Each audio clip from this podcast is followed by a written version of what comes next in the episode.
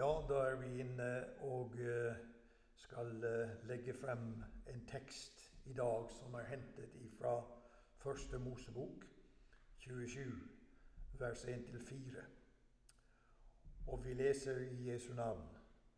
Da Isak var blitt gammel og hans øyne var blitt sløve så han ikke kunne se, kalte han til seg Esau, sin eldste sønn, og sa til ham, Min sønn. Han svarte ja her er jeg. Da sa han, jeg er blitt gammel og vet ikke hva dag jeg skal dø. Så ta nå dine jaktredskaper, ditt kogger og din bue, og gå ut på marken og skyt meg noe vilt, og lag en velsmakende rett for meg, slik som jeg liker det, og kom så hit med den.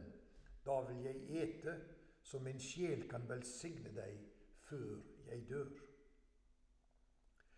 De som har beregnet Isaks alder, på dette tidspunktet har funnet ut at han var 137 år.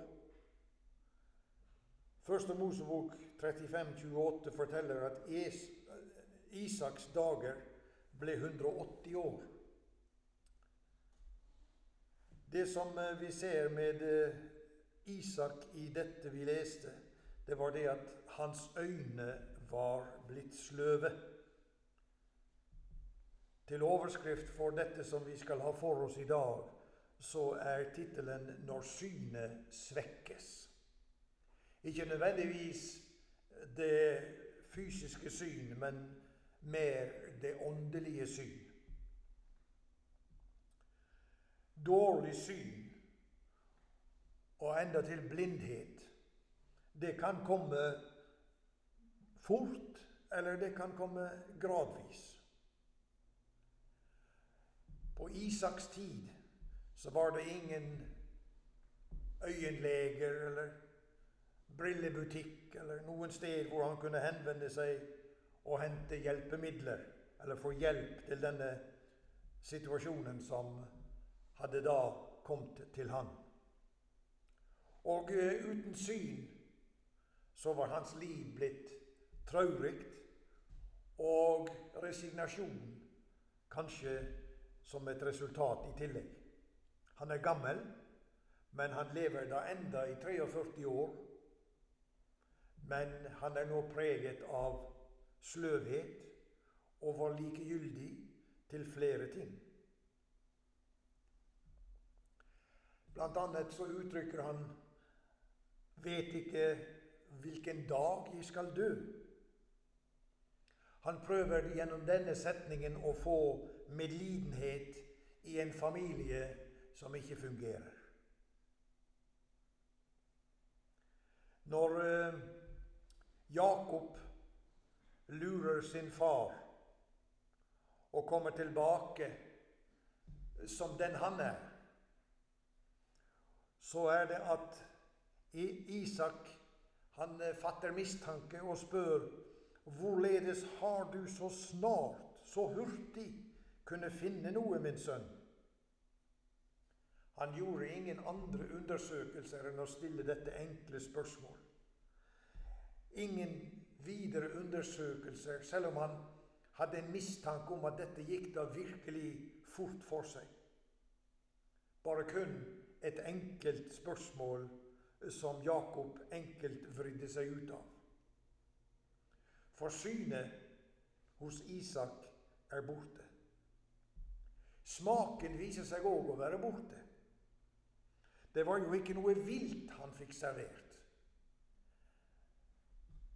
Nei, smaken var nok berørt også i alderdommen.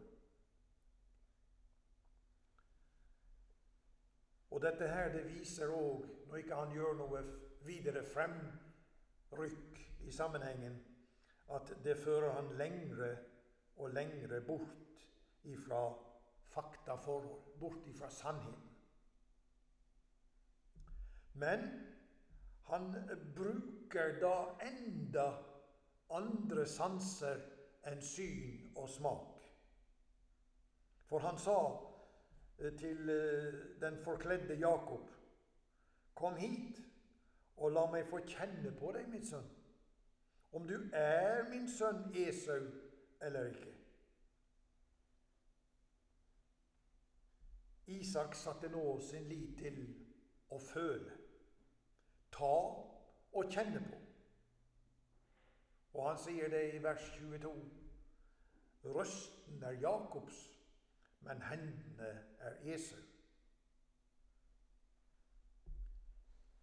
Var dette det Isak hadde å hjelpe seg med? Ja, kan vi si, men det fremstår dog et hjelpemiddel til som han kunne brukt, men som forblir ubrukt. Han kunne ha snakket med sin hustru Rebekka. Han kunne spurt henne, og hun kunne avklart dette for ham. Men hun hadde sin egen agenda. Hun hadde sin egen plan og skulle ha den igjennom. Så kommunikasjonen mellom mann og hustru var fraværende.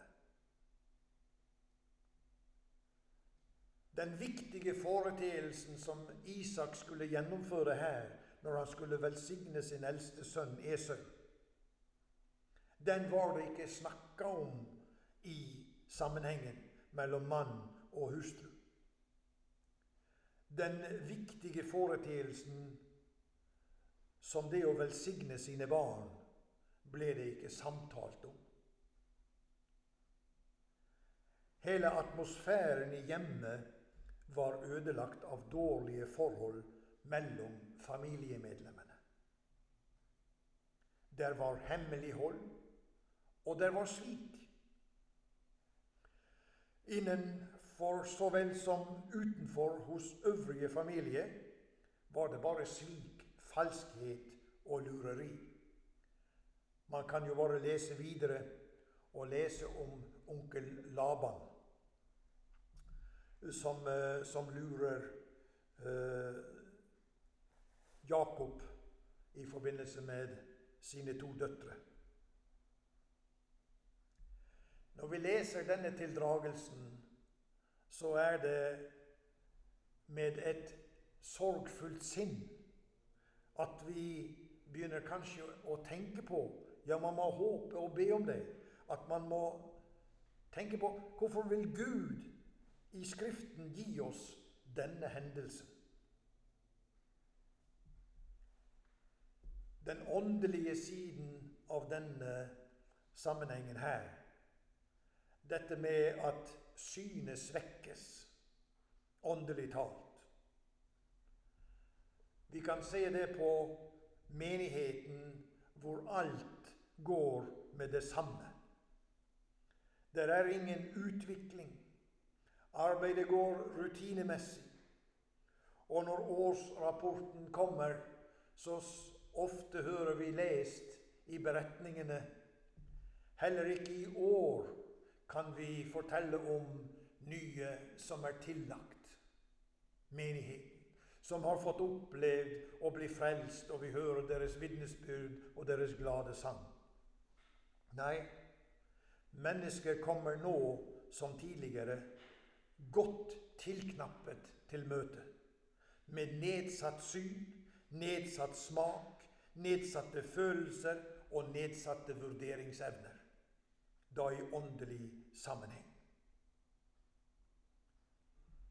Ja, men vi har da forbønn i menigheten. Ja, vi har mye forbønn for det jordiske. Sjelden, for ikke å si aldri, hører vi noen som løfter en hånd og sin røst og sier Be, for mitt åndelige liv holder på å visne.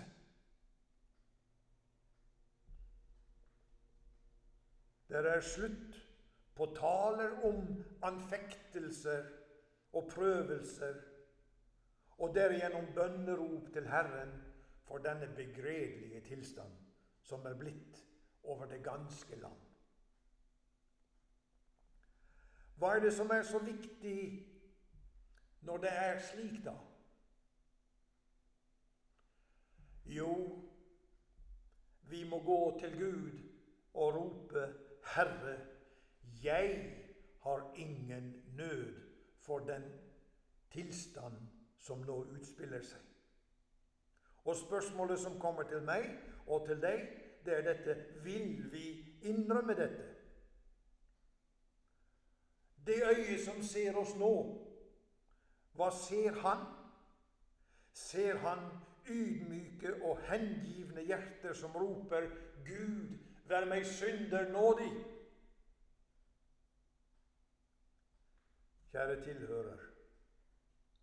Jeg som du må gå til Gud nå med den bønn som salmisten fremsier i Salme 139, vers 23. Ransak meg, Gud, og kjenn mitt hjerte. Prøv meg og kjenn mine mangehånde tanker, og se om jeg er på fortabelsens vei, og led meg på evighetens vei. Eller lar vi oss forføre der den onde kler seg om til en lysets engel og sier Fred, fred, ingen fare. Se, vekkelsen kommer, den.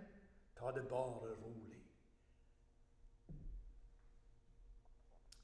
Jakob kledde seg ut og forførte Isak.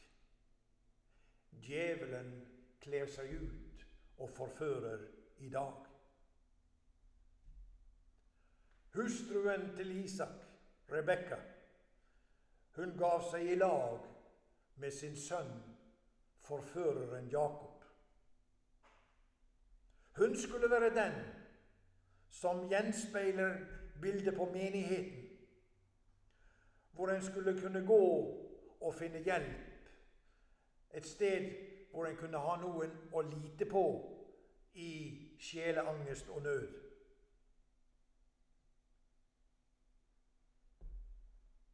Visst foregikk det noe der i hjemmet hos Isak og Rebekka.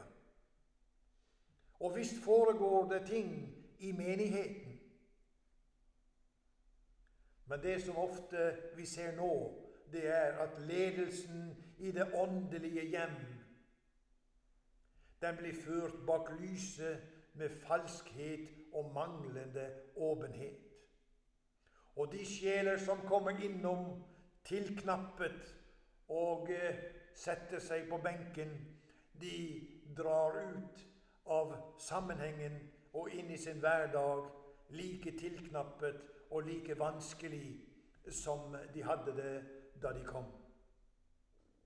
Det er først når Jakob kryper til korset og ydmyker seg. Da gjør Herren dette til en hendelse som viser hva Gud kan gjøre. For det er en videre fortelling om nettopp dette å lese i Første Mosebok og i kapitlene utover. Nettopp dette som skjer når Jakob møter sin bror og er redd for at nå kommer konsekvensene av lureriet. Nå kommer konsekvensene av dette som foregikk der hjemme da vår far var blitt gammel og sløv. Og så ser vi dette her, at Jakob kryper til korset. Og dette er redningen for menigheten, for den enkelte av oss som hører til i kristen sammenheng. Dette at vi kryper til korset. At vi åpner våre tillukkede hjerter og roper til Gud om hjelp og nåde, så vi kan finne vei i en vanskelig tid hvor vi overøses med alle mulige slags luftige fortellinger og ikke lenger forholder oss til nådens budskap om at enda er det plass ved Frelserens bryst. Enda er det en plass å gå til, nettopp til menighetens ledelse, hvor det finnes mennesker, hvor det finnes tjenere som er salvet av Ånden til å hjelpe der hvor det ikke finnes noe lyspunkt i tilværelsen lenger. Det skal være et slikt sted, menigheten, om alt er riktig. Dette er det budskap som Herren taler til oss, og som vi må ta inn over oss. For vi som har opplevd vekkelsestider, vi ser at alt er annerledes nå. Og for undertegnede sin del så må det kunne sies at den gamle sangen som synges Alt ble forandret da Jesus kom inn. Det er ikke lenger en sannhet, ingen, ingen selvfølge lenger, at det er slik. Og det forkynnes det forkynnes et budskap i dag som vi må våke over, som vi må prøve på Guds ord.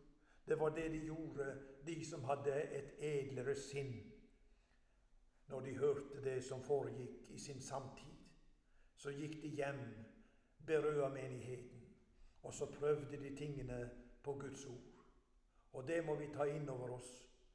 Og så må vi høre når Herren sier enn i dag i Jeremias 22, 29. Land, land, land, hør Herrens ord. Må Gud hjelpe oss til å lytte til Hans stemme og få snu denne situasjonen som preger vårt land og vårt folk og våre menigheter, ja, den enkelte troende. Evige Gud og himmelske Far. Takk fordi at du lytter til. Og Herre, må du sørge for at ditt ord blir liggende igjen i hjertene, Herre. Disse enkle tanker som er lagt frem her nå, og Jesus, må det bli til hjelp for noen, så vi igjen kan komme tilbake igjen, Herre, og rope på ditt navn, Jesus, og få hjelp i denne kalde og ødslige ferd som vi opplever nå i tiden. Gud, ta deg av oss på nytt. Vi ber i Jesu navn. Amen.